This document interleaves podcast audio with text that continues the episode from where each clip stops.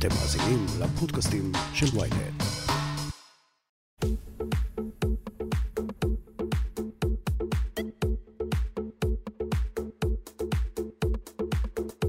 שבוע לפני הבחירות, כשאחוז החסימה קרוב מתמיד, הגיע יושב ראש מרצ ניצן הורוביץ לאולפן ynet והשיב לשאלות שלכם, הגולשים. בפרק מיוחד של הכותרת, אתם מוזמנים להאזין להקלטה המלאה, כפי שהועברה בשידור חי ב-15 במרץ. שלום לכם, וערב טוב. טוב, זאת כבר הפכה להיות כמעט מסורת באולפן ynet. נפגשים קצת לפני השעה שמונה בערב עם ראשי המפלגות השונות לקראת הבחירות לשאלות ותשובות, אבל כאלה שמעניינות אתכם, לא אותנו, כי לנו יש מספיק הזדמנויות. והערב איתנו יושב ראש מרצ, ניצן הורוביץ, שלום. שלום, אלכסנדרה, ערב טוב. טוב, שבוע לפני הבחירות יהיו לנו הרבה מאוד שאלות קשות, גם לגבי הסקרים, ראינו בפייסבוק, באינסטגרם. אגב, אתם עדיין מוזמנים לשלוח לנו אה, שאלות, כי אתה כאן אה, לשעה ארוכה, כאילו לא בשמחה מספיק. רבה. טוב, נתחיל בקליל, איך הולך בקמפיין? עובדים קשה, מגייסים אנשים, יש אה, התעוררות בשטח שלנו. אנשים, הרעיון שאולי לא תהיה מרץ אה, מפחיד אותם מאוד, האנשים שלנו כמובן, והם מתגייסים, ואנחנו עובדים קשה. אה, אתה מתוח אני חורש את? השטח. אתה מתוח?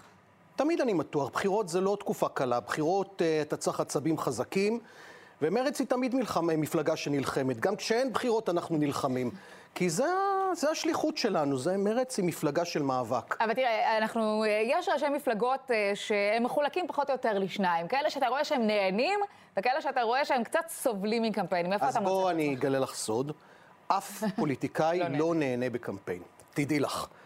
לפעמים, אה, את יודעת, מראים ככה וזה, אבל זה, זה תקופה קשה, מותחת, יש המון לחצים והמון אחריות גם. תראי, זה לא עניין אישי, זה עניין לאומי. על הפרק יש דברים כבדי משקל. טוב, חבר הכנסת הורוביץ, בואו נתחיל באמת עם השאלות של הגולשים שלנו. עכשיו, השאלה הזאת היא של שחר, אבל האמת שראיתי אותה בקונסטלציות שונות לאורך כל היום הזה. כן. למה לא לפרוש הפעם, שמרץ תפרוש, כדי למנוע בחירות חמישיות? כי אם מרץ אה, לא תהיה, לנתניהו תהיה ממשלת 61 עם סמוטריץ' ועם בן גביר, ממשלה שתעשה סיפוח, גזענות וכפייה דתית.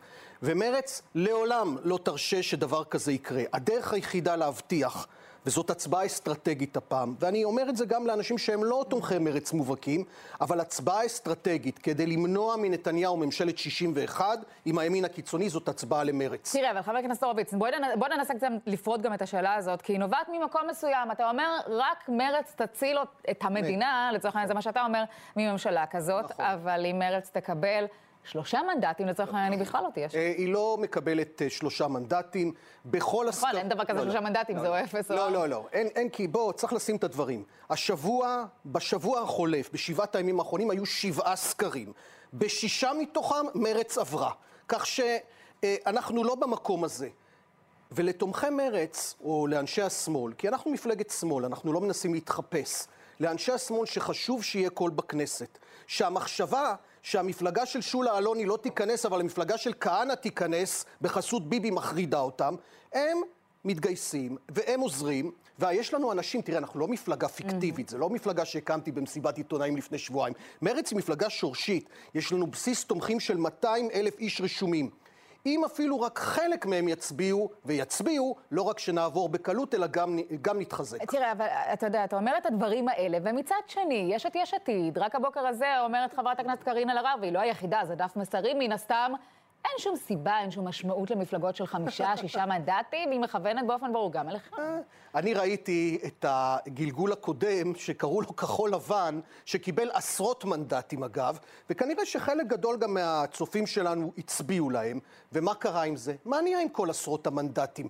הלכו לפח. זאת אומרת, פה הגודל הוא לא מה שקובע, קובעת המחויבות.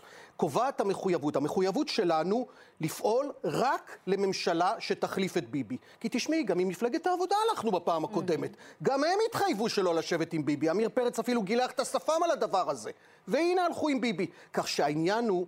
לא הגודל. העניין הוא המחויבות. ואם יש מפלגה אחת שמחויבת, וגם אנשי, אנשי ימין יודעים את זה על מרץ, mm-hmm. בגלל זה למה ביבי כל כך רוצה למחוק אותנו? למה? ב, לא, כי הוא יודע... הוא רוצה למחוק כל מפלגה קטנה לא, ש... כי הוא יודע אה, שאצלנו הוא לא יוכל להוציא עריקים, הוא לא יוכל לפתות בוגדים, אין אצלנו את הדברים האלה. מרץ זה המפלגה הכי אמינה וישרה. לכן מי שרוצה קול בטוח ולא רוצה mm-hmm. להתבייש אחר כך בהצבעה שלו, זאת מרץ. שאלת המשך, שואל אורן, האם אתה מתחייב שמרץ לא פורשת בשבוע הקרוב בשום שלב? אז את חושבת ש... בוא, אני, אני אסביר לך משהו. מרץ זה לא כמו המפלגה של, אני לא יודע מה, ליברמן, זה לא מפלגה אישית פרטית שלי, אוקיי? זו תנועה אמיתית, עם אלפי חברים, עם סניפים בכל הארץ, תנועה שמתמודדת בבחירות מאז קום המדינה בכל מערכת בחירות. זה, זה אפילו לא עולה בדעתנו. עכשיו, זה לא עניין של החלטה שלי, זה עניין של תנועה. והתנועה הזאת היא תנועת השמאל היחידה היום. את מתארת לעצמך שלא יהיה שמאל בכנסת? שלא יהיה שמאל בחברה הישראלית? בעבודה. בימין הקיצוני זה החלום הרטוב שלהם.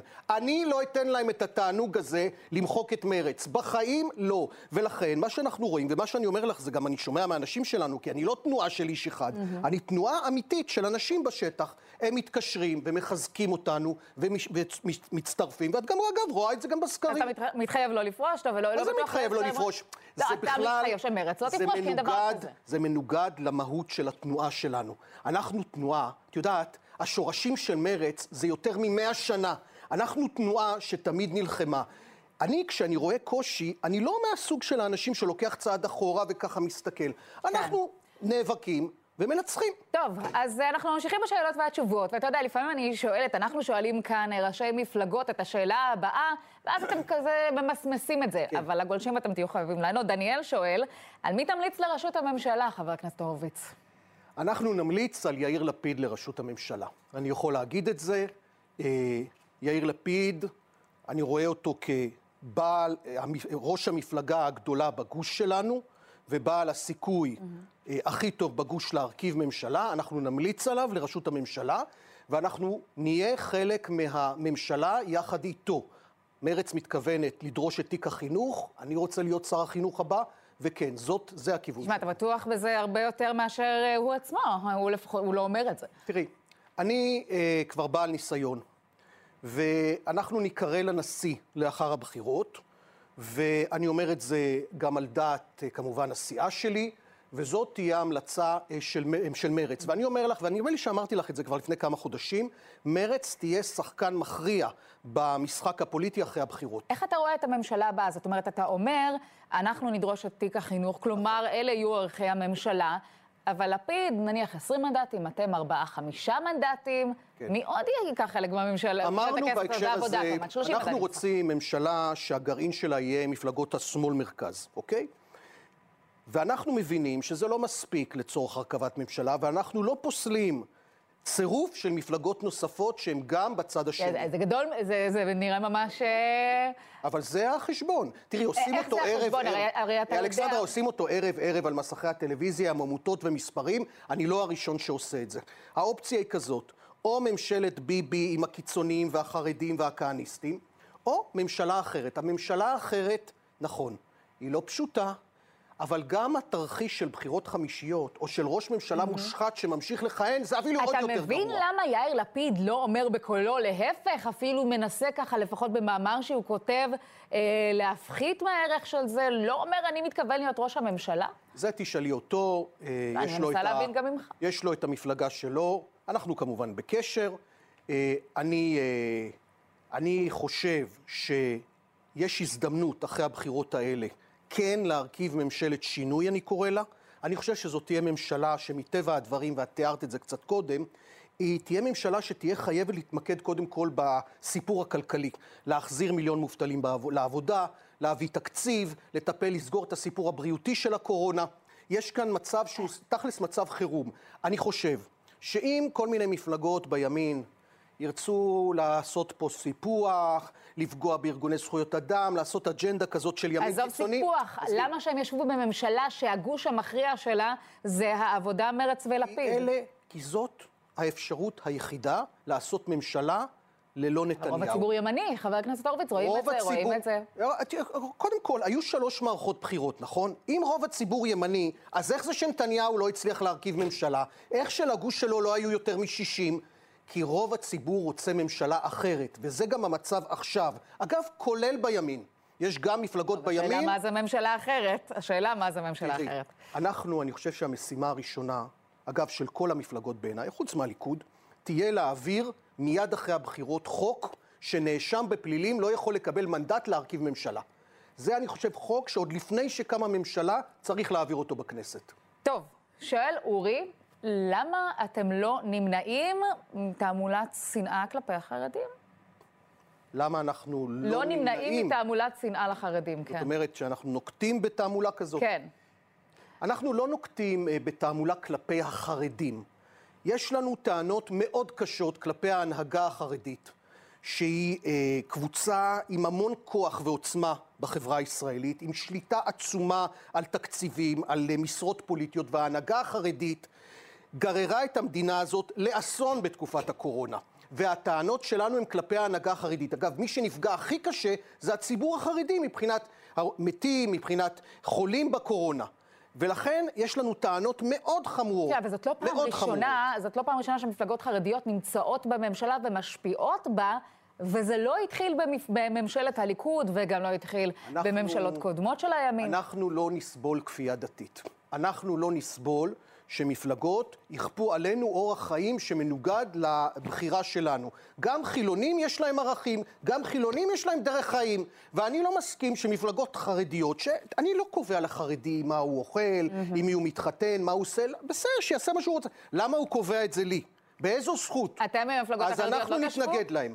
אנחנו, בממשלה הזאת שאני רוצה שתקום, לא תכלול מפלגות חרדיות, זה אפשרי. אז בוא, בוא תנסה ככה אה, למסגר לי את המסגר הזאת. שוב, אני אומר, זה... בתרחיש אבל הריאלי אלכסנדרה, זה? תלוי בתוצאות. אמרתי, אני רוצה... בסדר, אבל תלוי גם איזה סקרים. אה, שוב, זה, לא זה, זה יכול להיות. את יודעת. אני אומר, השאיפה היא להקים ממשלה ללא נתניהו. מבחינתנו נתניהו פסול, רק שיהיה ברור. אנחנו המפלגה היחידה שמעולם לא ישבה ולעולם לא תשב עם נתניהו. ואמרנו, מעבר לזה, אנחנו מוכנים לשקול שותפות ונשב, נדבר עם כל מפלגה ונראה לפי קווי היסוד. אנחנו פתוחים לכל מיני מהלכים. טוב, נדבר עוד על הממשלה העתידית הפוטנציאלית ואיך אתה רואה אותה, אבל חן שואלת, למה אתם לא דורשים מכחול לבן לפרוש? אנחנו, תראי, אנחנו נמצאים שבוע לפני הבחירות. בשלב הזה, אני חושב שההכרעה כבר היא תהיה בידי הבוחר בקלפי. זה לא, אה, זה עכשיו כבר, אני לא חושב שאנחנו בשלב הזה. אה, ו, ובקלפי האנשים יצטרכו לבחור. וכשאתה מסתכל על המפה הפוליטית, אני מדבר על אנשים בצד שלי, אני, לא, אני לא מניח שאנשי ימין יצביעו למרץ, אבל אנשים שרוצים לשלוח את נתניהו הביתה, ורוצים שיהיה שמאל בכנסת, הבחירה שלהם היא מרץ. כמה אתה מתואם עם יאיר לפיד? אנחנו בקשר, אנחנו בדיבור טוב, אנחנו גם מיודדים, ואנחנו משתדלים אה, לחתור למטרה משותפת. תראי, אני רוצה שיהיה כאן שינוי אחרי הבחירות. אי אפשר לסבול את המצב הנוכחי. הכלכלה על הפנים. אנחנו, ב, ב, ת, ת, תביני, אנחנו, אנחנו במצב ש, שראש ממשלה אחד כבר שנתיים, יש לנו משבר חוקתי, אין תקציב, אין כנסת שמתפקדת, אי אפשר להמשיך ככה יותר. אין מינויים, צריך לעשות אבל בכל זאת. אני רוצה לחזור ליאיר לפיד, כי גם זאת אה, שאלה כן. שעולה אצלנו לך, הוא כן אומר שהוא רוצה להיות ראש ממשלה? שוב, אני, אני לא מוסמך לדבר בשמו, אני, הוא לא המפלגה שלי, יש לי אגב לא, אבל גם איתו... בשיחות ביניכם. אני, תשמעי, זה תשאלי אותו, מה בשיחות בינינו. אני שומר בינינו. בשיחות בינינו, אני בכלל בן אדם שהם משוחחים איתי בארבע עיניים, אז אני שומר את המידע אצלי. אה, אני אמרתי שאנחנו נמליץ עליו לראשות הממשלה, כשנלך לנשיא. אני מקווה שעוד מפלגות יעשו את זה, אני מקווה שהוא יקבל את המנדט ונוכל להרכיב ממשלה ביחד. שואל, דניאל, למה אתם תוקפים את מפלגת העבודה? הרי אנחנו לא שומעים את זה מהכיוון השני של מפלגת העבודה, מהצד שלכם כן. אנחנו לא תוקפים את מפלגת העבודה. מפלגת העבודה היא מפלגה חשובה. אנחנו אומרים לאנשים שמתלבטים, אנחנו אומרים, אנשי העבודה, תצביעו עבודה. זאת מפלגה חשובה, תמיד היינו זה לצד זה. בעצם מאז קום המדינה לפעמים גם היינו ביחד, אפילו בפעם שעברה. ואנשי מרץ, תצביעו למרץ. אני חושב שהדבר האחרון שאנשי מרצ ואנשי העבודה היו רוצים, זה שתמיכה באחת מהם תפגע בשנייה. לפי כל הבדיקות, החישובים, הסקרים הפנימיים, יש מקום למרץ ולמפלגת העבודה, ואנחנו נשתף פעולה. אבל בהרכבים הקיימים זה לא קצת מאותו דבר, זאת אומרת, זה לא אותו דבר, מרץ ועבודה של ימינו? יש דברים שבהם אנחנו מסכימים. אגב, גם בימין יש מפלגות שמסכימות על דברים. זה בסדר שיש דברים שאנחנו מסכימים, אבל גם יש דברים שבהם יש לנו קו שונה. אני אגיד לך, למשל, בנושאים המדיניים, אנחנו יותר מדגישים את, ה, את, ה, את המצב בשטחים, אנחנו יותר פועלים בעניין הזה. ואני הייתי אומר עוד דבר שהוא יותר בסיסי, אנחנו יותר מחויבים לעקרונות שלנו ואנחנו פחות אה, מזגזגים, בוא נגיד את זה ככה. מפלגת העבודה, במבחני העבר, בחלקם היא לא עמדה, כולל בפעם האחרונה שהייתה איתנו. אז אני בעניין הזה סומך על מרץ. אבל אנחנו לא תוקפים את מפלגת העבודה, אנחנו מעריכים את מפלגת העבודה, היא מפלגה קרובה לנו, ואנחנו ביחד נשתף כן. פעולה אחרי הבחירות. טוב, השאלה הבאה שמגיעה לנו עכשיו, האם אתה תשב, ויש לזה גם שאלת המשך, ביחד עם אה, סער, בנט, או, או ו... ו... אנחנו לא פוסלים אה, ממשלה שיהיו בה שותפים מכל מיני סוגים. כן, כולל אולי האנשים שהזכרת, זה גם תלוי בהם, תלוי בקווי היסוד, תלוי במספרים. אנחנו לא פוסלים, אנחנו נראה לפי קווי היסוד. אני אומר לך ריאלית, בתור איש פוליטי כבר לא טירון, שהממשלה היחידה שאפשר יהיה להקים תהיה כזאת שתהיה חייבת להתרכז בנושא הכלכלי-חברתי. כי אם... אתה יודע, גם אפילו בנושא הזה, אני, אני מבינה שאתה אומר אין דת ואין מדינה, אבל גם לא, בכלכלה... לא, אני לא אמרתי אין דת ואין מדינה. לא, אבל אתה מתכוון, אם, לא נושאים... אם למשל הימין ירצה למשוך את זה לכיוונים של סיפוח או כפייה דתית, הוא גם לא יוכל להקים ממשלה. אבל גם הנושאים כלכליים המחבר בינך, בינך לבין גדעון סער ונפתלי בנט. קודם כל, תראי. יש דברים שחייבים לעשות. ביבי נהג בהפקרות פושעת ולא העביר תקציב כבר שנתיים. המשק לא יכול לפעול בצורה כזאת. נעביר תקציב, אנחנו נביא את הדגשים שלנו, ומפלגות אחרות יביאו את הדגשים שלהם. מה מחבר בינך, לא, אבל באמת אני חייבת לשאול, מה מחבר בינך לבין גדעון סער, או בינך. לבין נפתלי לא, בנט? ביני לבין גדעון סער יש באמת אה, פער עצום. אני חושב שמה שיחבר שותפים שונים סביב הרעיון של לא ממשלה חדשה, אני חושב שזה הרעיון הדמוקרטי. אני חושב שהרעיון... של אה, חיזוק הדמוקרטיה, הגנה על שלטון החוק, התנגדות לראש ממשלה מושחת שנאשם בפלילים ומשחית את המערכת, אלה דברים חשובים בצורה בלתי רגילה. וגם, אני חושב, אחריות לתפקוד המדינה. תראי, היה, הייתה פה שנה שמערכת החינוך הושבתה, זה לא קרה בשום מקום בעולם, כל כך הרבה ימים שבתי ספר היו סגורים. מי יחזיר לילדים את, ה, את השנה האבודה? ממשלה צריכה לטפל בזה. עכשיו נתניהו מפקיר הכל בגלל המשפט, ממשלה חדשה תטפל בזה. טוב, אבל לא בטוח שהילדים לא הלכו לבתי הספר בגלל המשפט, כן? רק בוא נדייק בזה, ואנחנו פשוט... לא, אבל, ה, אבל השר, כל המינויים שלו, כל התפקוד של הממשלה היה כושל. צריך עכשיו ממשלה שעובדת. אתה יודע מה, למה התפקוד של הממשלה היה כושל? גם כי אולי לא יכולה להיות כאן ממשלה שמורכבת משתי מפלגות שכל כך לא מתחברות זו לזו, וזה אולי אזהרה כלפי הממשלה העתידית הם, כחול לבן, באמת, קצת צר לי עליהם. אני אמרתי להם לא להיכנס. הם היו הכי משתפי פעולה ומתרפסים שרק אפשר. הוא פשוט, נתניהו, פשוט חיפש כל דרך אפשרית להתחמק מהמשפט. הכל היה משועבד לחילוץ מהמשפט הפלילי שלו, ובגלל זה הממשלה קרסה. טוב, שואל עכשיו אה, מוחמד, האם בן גביר הוא טרוריסט בעיניך? אה, טרוריסט, בוא נגיד ככה, הוא גזען, הוא בעיניי אה, בן אדם נתעב. טרוריסט, אני, אני, אני, אני אומר לך, ההגדרות שלי חריפות לא פחות. אני חושב שהוא חבר או, או קשור למפלגה ולגוף שהוגדר ארגון טרור, שזה תנועת כך, מיסודו של אה, כהנא. נשמע, ו... זה עבר את מבחן בג"ץ. אז בסדר, אז אני אומר, אז, הוא, אז בג"ץ אישר אותו, אז הוא, מה שנקרא, כשר אבל מסריח. אני לא, לא יושב איתו, בשום אופן, אני לא חושב שבכלל צריך לשבת איתו. אני לא חושבת לא, לא, לא שאלתי את השאלה הזאת, זה גם בושה, את יודעת, בזמנו, שהיה כהנא, מדבר בכנסת, הוא היה סיעת יחיד, ח"כ יחיד, כל חברי הכנסת, כולל של הימין, היו יוצאים מהאולם לאות מחאה. עכשיו, ראש הממשלה הוא זה שמכניס את היורשים של כהנא בדלת הראשית לכנסת. זה בושה וחרפה. טוב, אה, שואל עכשיו אה, יוסף, וזאת שאלה שגם חזרה הרבה, למה אתה רוצה לזרוק את חיילי צה"ל לבית הדין אה, בהאג? אז בואו אני אגיד לך בצורה הכי ברורה. אני מתנגד להעמדה לדין של חיילי צה"ל בחו"ל באיזשהו גוף זר. חד משמעי, חד משמעי. כשאני דיברתי על העניין הזה, דיברתי על המדיניות של הממשלה בנוגע להתנחלויות בשטחים. אבל זה וה- לא על ההתנחלויות בשטחים, לא. זה על פשעי צה"ל לא, אז אני, אז אני אומר לך, בעניין הזה, חד משמעי, הנה, אני אומר לך בצורה הכי ברורה, אני מתנגד להעמדה לדין של חיילי צה"ל בחו"ל. אני חושב שמי שאחראי, מי שאחראי זה לא חיילים, ממשלה אחראית. זה גם לא עכשיו, קצינים, למשל יאיר גולן. לא. קצינים הם גם חיילים, מדרגת כל הדרגות. אני מתנגד להעמדה לדין של חיילי צה"ל אה, בחו"ל בפני איזשהו גוף. אז אתה רוצה שיעמידו רוצה- לדין את שר הביטחון לא, אני לא? רוצה שיעמידו לדין אף אחד. אני רוצה שהממשלה תשנה את המדיניות שלה כלפי מה שקורה בשטחים. רגע, שנייה, נעשו עכשיו, שנייה. נעשו פשעי מלחמה בצוק איתן לדעתך? אני לא חושב כך. אני לא חושב. לא. לא. אז למה הזדרזת, אה, לא הזדרזתי. סוג של להגן אפילו על לא. ההודעה הזאת? זה, האחרונה זה הימין אה, אה, זרק עליי את, האמירות האלה. אני אמרתי, וגם היא, גם זאת אמירה לא פשוטה, אני אמרתי שאם ממשלת ישראל תמשיך נתניהו והימין והמתנחלים, עם המדיניות הזאת של המאחזים הפרועים, של הקפאת תהליך השלום, של ה, אה, אה, מה שנקרא אה, הפקרת כל הנושא המדיני, אז ישראל, הם יגררו את ישראל למקומות האלה של האג. אבל, שוב אני אומר, לגבי חיילים, אני מתנגד חד משמעי להעמדה לדין של חיילים אתה בחו"ל. חושב אה, שיש עדיין, חבר הכנסת הורוביץ, נושא מדיני בכלל? אתה מדבר על בוודאי. הקפאת תהליך השלום בוודאי. וזה מדבר בוודאי, למישהו? בוודאי. הנה, איך צץ פתאום הנושא הזה של האג? מה, אני העליתי אותו? הייתה החלטה של גוף אבל יש בינלאומי. קונצנזוס בארץ סביב אבל יכ- אה, אין קונסנזוס בארץ סביב זה שצריך לפתור את הסכסוך עם הפלסטינים. תשמעי, החיילים שלנו, הם לא מסתובבים בדובאי או באבו דאבי.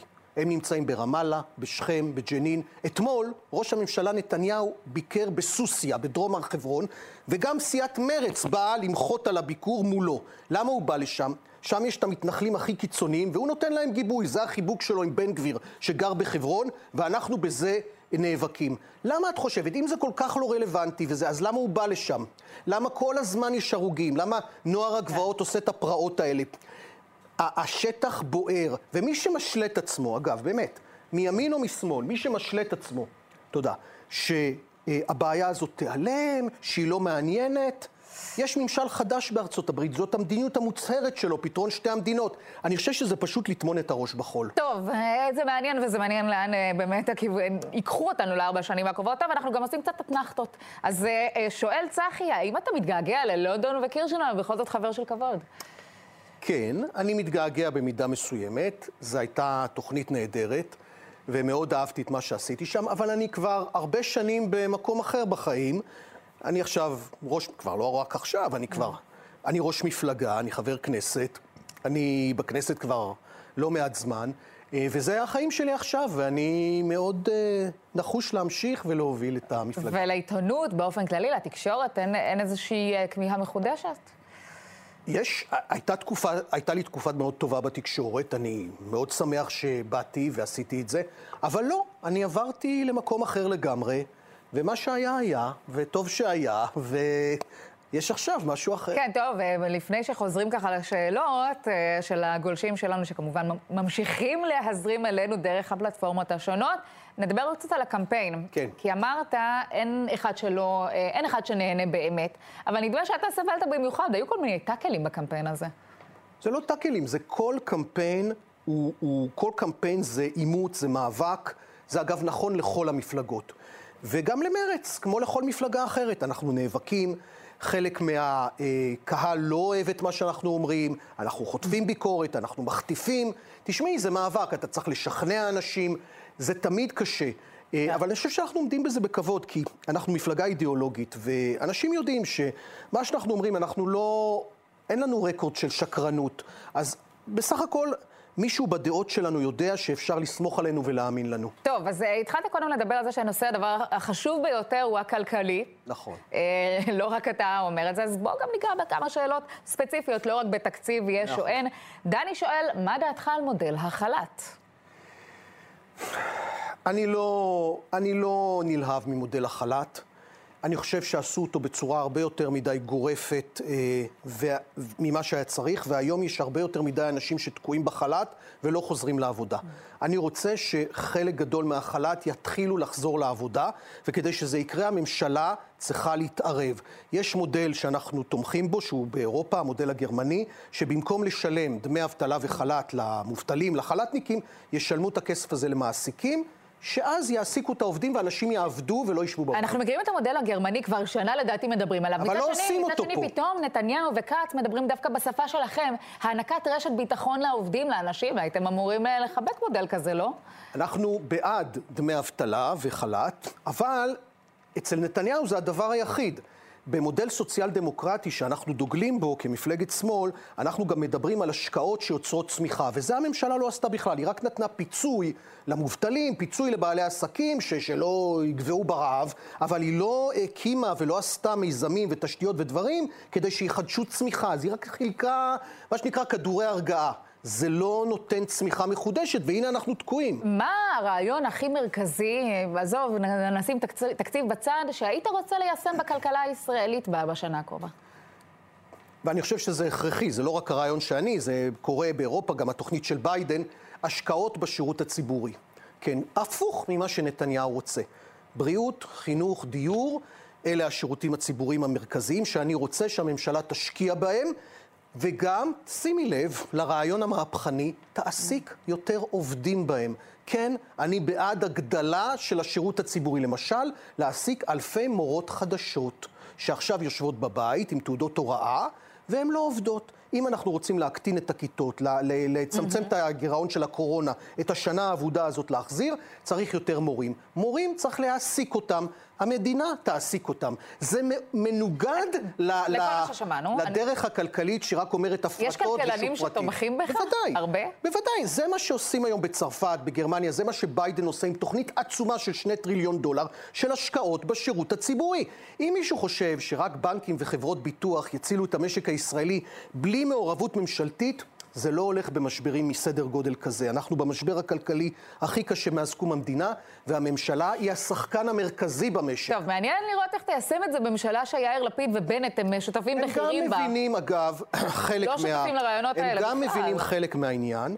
אם, שים, אם תשימי לב, גם בימין יש היום סוג של התפכחות. מבינים שהקפיטליזם, נקרא לו הפרוע, שזה רק הכל פרטי, הכל חברות פרטיות שמסדרות. מי מבין, בנט? אפילו בנט, את יודעת, טוב, התוכנית שלו זה קשקוש גמור, אני קראתי, מה שנקרא, גם לא מגדילים גירעון, גם מורידים מיסים, גם נותנים תמיכה לאנשים, מאיפה? אין כזה דבר. אה, את הגירעון יצטרכו להגדיל, וגם יהיו שינויים במיסוי, ומי שלא, מי שמכחיש את זה לא אומר אמת, בקיצור, והציבור יודע שהוא משקר. אתה אומר שגם הדברים של ראש הממשלה וגם הדברים של בנט משני צדדים שונים לא נכונים, כי לא תהיה ברירה להעלות עובדים, מיסים. לא עובדים במש, במשבר מהסוג הזה. קפיטליזם מהסוג של ביבי זה דבר שהתאים אולי לשנות ה-90, לפני 30 שנה, לא מתאים למשברים מהסדר גודל הזה. תראי, ת, אני אתן לך דוגמה. בקורונה, מבצע החיסונים, בזכות מה הוא קרה? בזכות רפואה ציבורית שיש לנו, שיש סניפים של קופות חולים בכל מקום, ואנשים מתחסנים ויש רופא והכול בפיקוח. תארי לך שזה לא היה. ולאנשים לא היה רופא, כמו באמריקה, הכל היה פרטי. איך היינו? אנשים פה היו מתים כמו זבובים אם לא הייתה לנו רפואה ציבורית. זו דוגמה לשירות שהמדינה מספקת. וככה צריך גם להיות בחינוך וגם לגבי מחירי דיור. הנה השקפה אה, כלכלית, אה, גם זה חשוב, וגם אה, ל- הרבה גולשים רוצים את התשובות לשאלות האלה. טוב, שואל עלי, אילו שינויים תבטיח להכניס לחוק הלאום, או שתיקח אפילו צעד קדימה, ת, תשאף לבטל אותו? אנחנו תומכים בביטול חוק הלאום. זה היה חוק בעינינו גזעני, מיותר לחלוטין, אה, חוק אה, פסול שמפלה את האזרחים הלא יהודים במדינת ישראל. אני חושב שאין לו מקום במדינה דמוקרטית, הוא צריך לעבור מן העולם. אני אומר את זה בצורה אז ברורה. הנה שאלת ההמשך, שהיא דומה לשאלת ההמשך הקודמת. איך תעשה את זה בממשלה שבנט וסער שותפים בכירים בה? אז אני, אני, אני אומר, אנחנו, אני מרץ, את יודעת, אם היו אומרים לי, היו אומרים למרץ לפני אה, 30 שנה, אה, להט"בים, איפה? לא הייתה המילה הזאת. הנה, מרץ התחילה. האם זה ומנצחת. אחד מקווי היסוד של ייהרג ובל יעבור, לא תיכנס לממשלה שלא תבטל אנחנו את חוק הלאום? חושבים שהממשלה הבאה צריכה להתחיל תהליך של תיקון, והתיקון הזה חייב לכלול גם, קודם כל, התייחסות לסיפור הזה של חוק הלאום. זה חוק, תשמעי, הוא לא, הוא לא, הוא לא עובר במדינה דמוקרטית חוק כזה. הוא לא עובר. האזרחים, הערבים, הדרוזים, כל ה... כל האזרחים הם שווים. אי אפשר לקבוע בחוק שאזרח א', בגלל המוצא שלו, הוא אזרח סוג ב', ואזרח אחר הוא אזרח... זה לא עובד ככה. טוב, שאלה הבאה, שאלה שחוזרת עליה שוב, יש לנו הרבה מאוד שאלות שחוזרות, מן הסתם. הרבה, הרבה גולשים מתעניינים באותם הדברים, ושואלת אותנו קרן, מה דעתך על סנקציות שמוטלות על מי שלא מתחסן? אני אה, לא בעד כפייה של אה, חיסונים, ואני לא בעד אה, צעדי עונשין על מי שלא התחסן. אני חושב שהדרך הנכונה, אגב, אני התחסנתי, אני תומך בחיסונים, אני חושב שזה דבר טוב.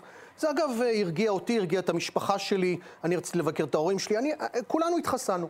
אני חושב שהדרך להתמודד עם זה היא להסביר לציבור שטוב להתחסן, אבל אני נגד לעשות את זה לא, אבל בכוח. השאלה היא, אף אחד לא מכריח פה אנשים, וזה גם לא עומד על הפרק בשלב. הזה. אבל כן, יש אה, תו ירוק, אפילו במקום כמו המקום שאנחנו נמצאים בו אני- עכשיו. אני חושב שגם במקומות כאלה אפשר למצוא אה, סידור, למשל שאנשים יעשו בדיקה, Mm. למשל לשמור על אמצעי ריחוק, על, כדי שגם אנשים שהם לא מתחסנים, ושוב, אני רוצה שיתחסנו.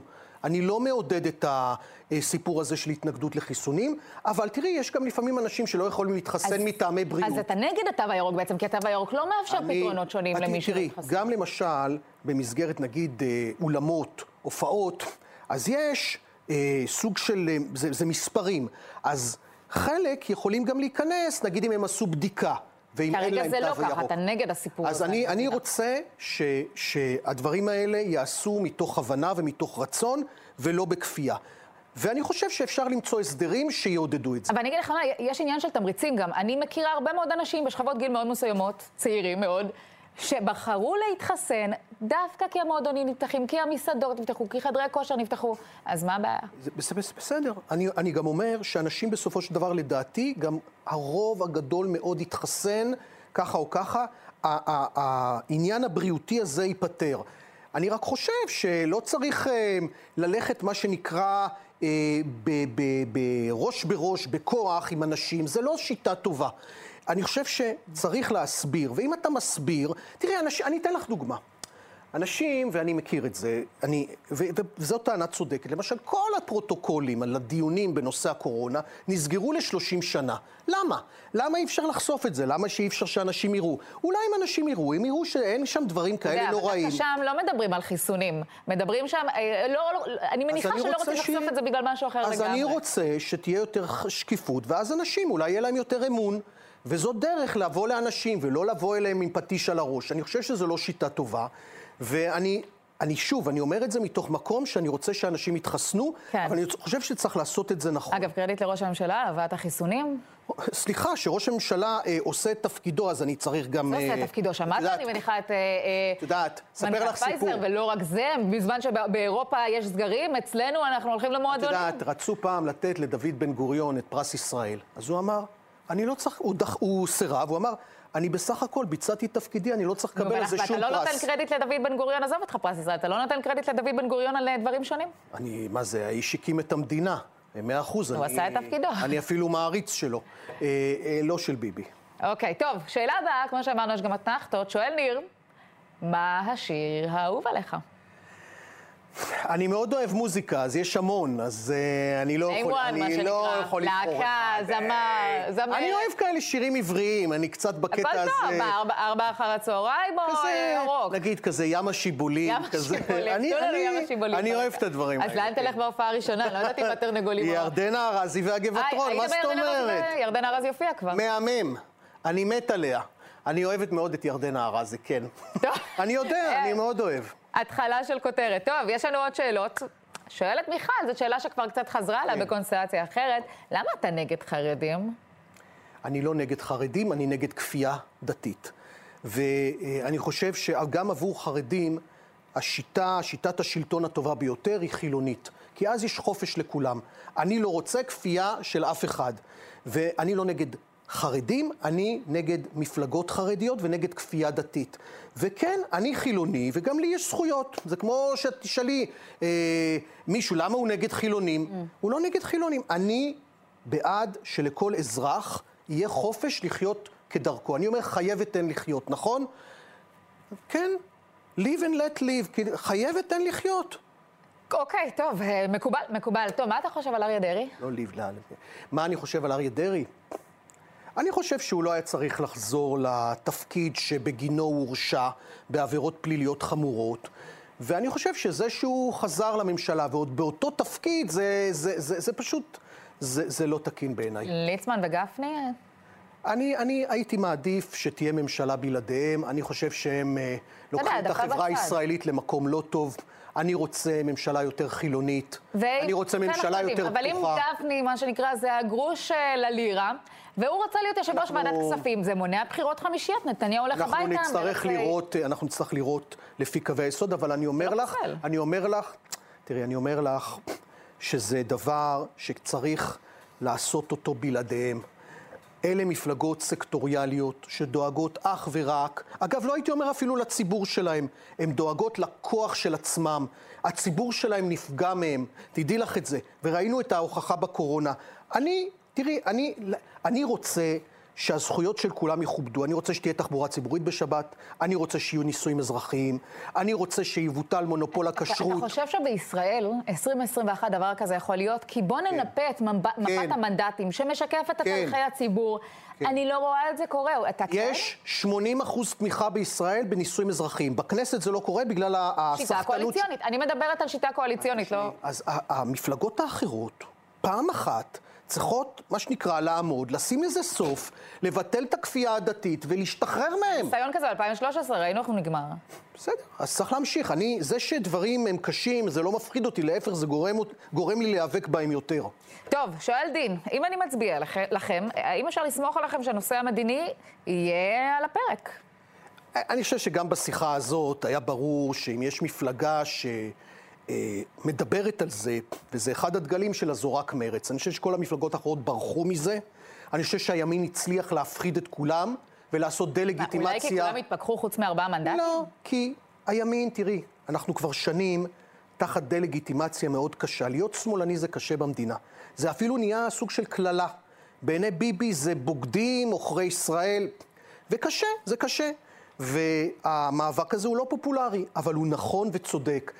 אין דרך להבטיח את קיומה של ישראל כמדינה יהודית ודמוקרטית בלי פתרון עם הפלסטינים. אחרת אנחנו שקועים בכיבוש הזה ובתוך השטחים אבל האלה. בוא נגיד את האמת, מי בכלל משתמש במילה הזאת, כיבוש היום, חוץ מעשרה מנדטים? נניח נשים גם את העבודה איתכם. תשמעי, את יודעת, אני אתן לך לא עוד מעניין. כזה אתה. אמרתי לך בן גוריון, עכשיו אני אתן לך בגין. בגין פעם אמר, הצדק לא תלוי במספרים הגדולים, והאמת לא תלויה בכוח. זה שהמספרים הגדולים הם לא בעמדה שלי, זה לא אומר שאני בהכרח טועה. אני מאמין בדרך שלי, ואני משוכנע בה. אגב, אני חושב שגם מי שרוצה, חברי כנסת, שיגידו את האמת שלהם, וכשאתה בוחר במישהו, אתה יודע שהוא, מה הוא יגיד, הוא לא יאכזב אותך, הוא לא יבגוד בך, אני חושב שזה רק מרץ. אוקיי, טוב, שואל אה, הלל, האם בממשלה שאתה רוצה שתקום יהיה קשר ליהדות? תראי, אני יהודי. אני חילוני, אבל אני מאוד יהודי. יש לי קשר מאוד חזק ליהדות, למרות שאני חילוני. למה?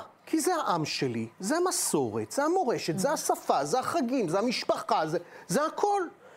זה הארץ הזאת, אנחנו בארץ הקודש, פה, איך אומרים? God is in, the air, כן? אלוהים ב... את, את כן. יודעת, זה הכל, זה... זה אז זה- אין, אין, אין? מצב שהמדינה הזאת לא תהיה קשורה ליהדות. היא מדינה יהודית. אבל אנחנו, היא לא חייבת להיות מדינת הלכה או מדינה דתית. מדינה יהודית זה לא אומר מדינה דתית או מדינת כן, הלכה. אבל גם כשהיא הוקמה, לא היו בה נישואים אזרחיים, זה לא קשור לעליית המפלגות החרדיות, לא הייתה בתחבורה ציבורית בשבת. בוא, בשנו, בשנת 90 עוד לא היה פה שום דבר פתוח בשבת, אז הזמן, אנחנו לא הולכים אחורה, הפוך. הגיע הזמן שזה יקרה. די, אנחנו מתקדמים, אנחנו לא תקועים. יש פה למשל מאות אלפי ישראלים וישראליות, למשל דוברי רוסית, יוצאי אה, ברית, אה, ברית המועצות לשעבר, שלא יכולים להתחתן כי הם לא מוכרים ברבנות כיהודים. הם ישראלים לכל דבר, אז, אז תיתנו להם פתרון אחר. אם הרבנות לא רוצה אותם, תיתנו להם אופציה של נישואים אזרחיים. למשל, אני והבן זוג שלי לא יכולים לעשות את זה, כי אנחנו בני זוג מאותו מין. תנו לנו פתרון אחר, לא רוצים שנלך ברבנות, תנו לנו פתרון אחר, אבל הם גם את זה לא רוצים, כי הם רוצים הבאה- לשמור ביד את הכוח. בממשלה הבאה אתה מאמין שתוכלו לקדם דבר כזה, נישואים אזרחיים? אנחנו ננסה, זה, זה הדבר הוא בנפשי, מה שנקרא. ננסה, כן. טוב, שואל יובל, ואם כבר דיברנו על טאקלים בקמפיין הזה, שואל איך תקדמו חוק המונע טיפולי המרה? זה חוק שלי. איך תקדמו שאני- אותו כשיש לא, לא. לפחות חברה אחת? לא, לא? אין, אין. לא, היא הבהירה חד משמעית שהיא תומכת ותתמוך בכל חקיקה להט"בית שמרץ מגישה. מרץ היא אלופת החקיקה. הלהט"בית. למה שנאמין לה ולא לשפת אימה כשהיא אמרה את זה באופן שוטף ואמרה שהיא לא תומכת? לא, אבל אחר כך היא הבהירה, היא חזרה בה, היא טעתה והיא הבהירה את הדברים. זה, את יודעת, אה, מודה ועוזב, מה שנקרא. תראי, זה חוק שלי.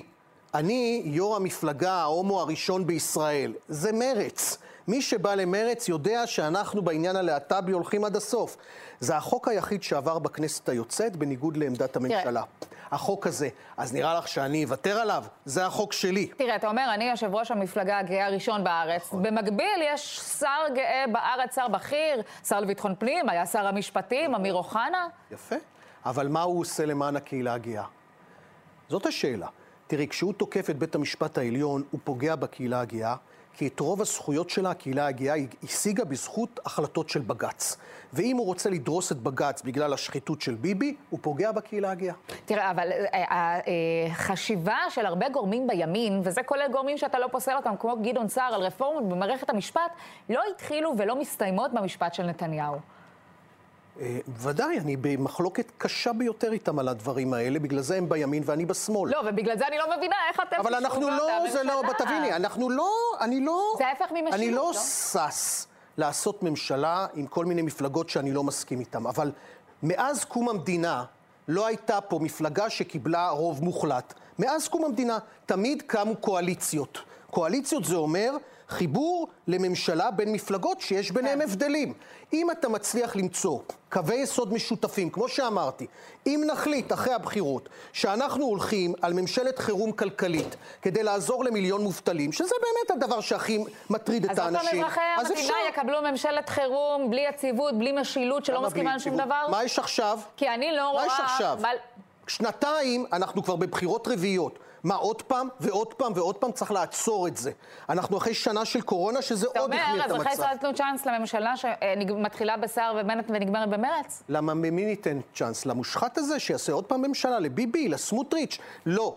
זה לא יהיה. אז... תראה, אז- לפחות ממשלת נתניהו-סמוטריץ' תהיה ממשלה יציבה, זה אנחנו ממש, יודעים. מה זה תהיה ממשלה יציבה? ממש ממשלה מטורללת, הזיה מוחלטת. אני לא חושב שאפילו בימין חושבים שזאת ממשלה אפשרית. טוב, זה, זה לא, לא, לא בקונצנזוס. טוב, אה, רוני אה, שואל משהו, שאלת המשך אה, לכותרת שלך מוקדם יותר, יש לנו גם שאלות תוך כדי השידור. בבקשה. אילו הבטחות קיבלת מיאיר לפיד? לא קיבלתי שום הבטחות. מרצ היא אה, מפלגה עם דרך מאוד ברורה ומטרה מאוד ברורה בבחירות האלה. אז למה כבר להכריז שתמליץ עליו? אז אני אומר, כי זאת שאלה, אנחנו בבחירות לפני ש... עוד שבוע, אני חושב, ש... אני חושב שמפלגות, אם הן בעצמן לא מציגות מועמד לראשות ממשלה, אולי זה עוד יקרה במרץ פעם, אבל הפעם אנחנו לא מציגים מועמד לראשות ממשלה, אז מן הראוי לו להגיד במי תתמוך. עכשיו, אני אומר את זה כי אמרתי לך, אני רוצה, ו... וזה לא רק... וזה מה שיהיה, מרצ תהיה שחקן מכריע ב, ב, במשחק הפוליטי אחרי הבחירות. אם כל ה, בין התרנגולים האלה בימין, בנט, סער, חושבים שהם יעשו פסילות, יפסלו את זה, יפסלו את זה, יפסלו את זה, לא תהיה להם שום ממשלה. שום ממשלה. טוב, שואל דון, למה אין חברי כנסת מזרחיים בחמישייה הראשונה של מרץ? אנחנו לא אה, בודקים אנשים לפי ה, מה שנקרא המוצא והעדה. אני חושב שהגיוון בייצוג הוא מאוד חשוב. למרץ היו חברי כנסת מכל העדות והגוונים, ואני חושב שנכון גם לעשות את זה, אבל את יודעת, אני לא בודק אחד-אחד. לא, שאלה הרבה יותר מורכבת, אה, חבר הכנסת למשל, הורוביץ. יש אנחנו- לנו, אני אגיד לך, למשל, יש לנו בחמישייה הראשונה שלנו שני מועמדים ערבים. למשל. את זה אני יודעת, אבל- לא, לא, את זה לא. את יודעת, אבל את זה אין בשום מפלגה אחרת. לא, אבל אני רוצה להתייחס למשהו אחר, כי הנושא הזה זה לא לבדוק בציציות ובשם המשפחה. זה למה מרץ לא תצליח ולא מצליחה, ואל תגידי אחרת, לא. לחדור את תל אביב, ותל אביב, מעוזים מסוימים בתל אביב. זה קשור אחד לשני. אנחנו, יש לנו תומכים בכל הארץ, וזה שיש לנו גם תומכים במרכז ובתל אביב, אני לא מתבייש בזה. אני גאה בזה. גם לאנשים שגרים בתל אביב או בגבעתיים, ברמת גן, יש אה, זכות הצבעה, והקול שלהם שווה לקול של כל אחד. אז זה בסדר גמור שהאנשים האלה מצביעים מרץ. אין עם זה שום בעיה. אגב, לחברי, למרץ היו אה, חברי כנסת בין היתר מזרחיים, שעשו דברים גדולים. השר רן כהן, מוסי רז, מקום שש ברשימה שלנו, עכשיו אולי יהיה חבר כנסת. מרץ מקפידה על ייצוג, מרץ המפלגה הראשונה שהיו בה גברים, נשים, חצי-חצי. אוקיי. את יודעת, כל אלה דברים שפעם לא היו. במפלגות החרדיות אין נשים בכלל, ואתה אוקיי? לא פוסל, מ- אה, פס- פוסל אותם. אני, אגב, את החרדים, אני אומר לך, צריך להשאיר אותם מחוץ לממשלה ולעשות ממשלה בלי חרדים. אבל אתה לא פוסל אותם למרות שאין שם נשים, וזה? לדעתי אפליה אחת המשחק הזה של. של לעמוד אה, אה, כמו איזה תרנגולת על ערימת הזבל, מה שנקרא, ולהגיד, אני פוסל את זה, אני פוסל את זה, אני פוסל את זה. לא, לא, אבל זה לא ערך יסוד בעיניך, אה, נשים אה, שותפות אני חד משמעית? בשביל זה במפלגה שלנו זה חצי-חצי. 50 אחוז, 50 אחוז. זה אוקיי. שיש פה מפלגות שזה מותר על פי החוק, שזה בושה בעיניי, צריך לתקן את החוק, מפלגות שאסור לנשים להיות חברה, חברות בהן, אני חושב שצריך לתקן את החוק הזה. טוב, ואם כבר אנחנו לא, אני צריך לשאול אותך, איך את מרגישה בתור אישה שיש מפלגות בישראל שאסור לאישה להיות חברה בה? מה זה, אנחנו בימי הביניים? תשמע, אני חושבת שהבנת מטון השאלה שלי כן, מה אני חושבת על זה. כן. טוב, אה, ולשאלה הבאה של יקיר, אם אנחנו כבר בעניינים האלה, האם אתה לא חושב שמיכאלי, מרב מיכאלי מגזימה עם הפמיניזם? זה תשאלי את מרב מיכאלי, אני לא חושב שזה אני צריך לענות במקומה. לא, אבל מה את חושבת, לצורך העניין, אם אני אה, ככה משתמשת אז בלשון? אני חושב שפמיניזם זה דבר חשוב, וזכויות נשים זה דבר חשוב מאוד. מרצ הובילה את זה הרבה מאוד שנים. היו לנו שלוש, במהלך מרצ, שלוש אה, יוריות נשים, שולמית אלוני, זהבה גלאון, תמר זנדברג, והיום יש לנו חצי-חצי, וזה מורשת, אה, אחת ה... זה, זה ב-DNA של מרצ, ה- מיכל רוזין שהובילה את המאבק ב- באלימות מינית ובהטרדות כן, מיניות. כמובן. אצל, במרצ זה נושא חשוב ביותר. טוב, שואל עכשיו ישראל, וזאת השאלה הבאה שלנו, איך אתה מגיב, איך אתה פועל מול אה, חברי כנסת שהולכים להלוויות של מחבלים? אני לא אה, בעד ללכת להלוויות של אה, מחבלים, ואנחנו, אני לא בעד הזדהות עם אה, מחבלים, וזה לא עניין של מי הולך לאיזה הלוויה. אני רוצה שתהיה מדיניות של שלום. ואני לא בעד אלימות, אני רוצה שלא תהיה אלימות. וכל המחשבה המדינית שלי מיועדת לזה שיהודים וערבים יוכלו לחיות בצורה טובה ובטוחה בארץ הזאת. תראה, אני אומר ליהודים, הערבים לא ילכו לשום מקום. ואני אומר, אומר לערבים, היהודים לא ילכו לשום מקום. יש פה ערבים ויהודים, ואנחנו צריכים ללמוד לחיות ביחד. אין אוקיי. עתיד למדינה הזאת אם, אם נריב זה כל הזמן. באופן שלי אחד לא קשור רק לערבים יהודים, כולנו ביחד. טוב, עברו 45 דקות, איך אתה מסכם את האירוע עד כה? אה, מעניין, אה, שאלות מצוינות, אה, מראיינת איך שאלות הגולשים? זה לא אני, לא, זה לא, הם. מאה אחוז, שואלים שאלות לעניין. אני חושב שזה שאלות טובות. ממש לפני סיום, מה כן. אכלת היום? מה אכלתי היום? כן. אה, הנה ים יש את ים השיבולים. השיבולים גם? יפה. מה אכלתי היום? אכלתי בצהריים, לקחנו בקופסה בדרך קציצות עם אורז. בפסק זמן ראינו אותך ככה. אה? עכשיו, זה בשביל שיהיה לי אנרגיה. בקיצור, קמפיין זה. דבר לא בריא לגוף, זה בוודאות? אפשר להגיד. כן, קצת. טוב, הנה, סידרנו לפחות אה, שיר מפונק הכבוד, לסיום. חבר. הכנסת ניצן הורוביץ, תודה רבה על הדברים האלה, תודה רבה. שהייתם אה, איתנו, עדיין שומעים אותנו. אגב, נהנה מהשיר? אני אוהב מאוד. איך בא לך ישר רק ים? זה ארץ ישראל שאני אוהב, זה העמק, זה קיבוץ גבע, כל הכבוד. עכשיו יגיד מי שיגיד שזה קשור לשאלה של השמות.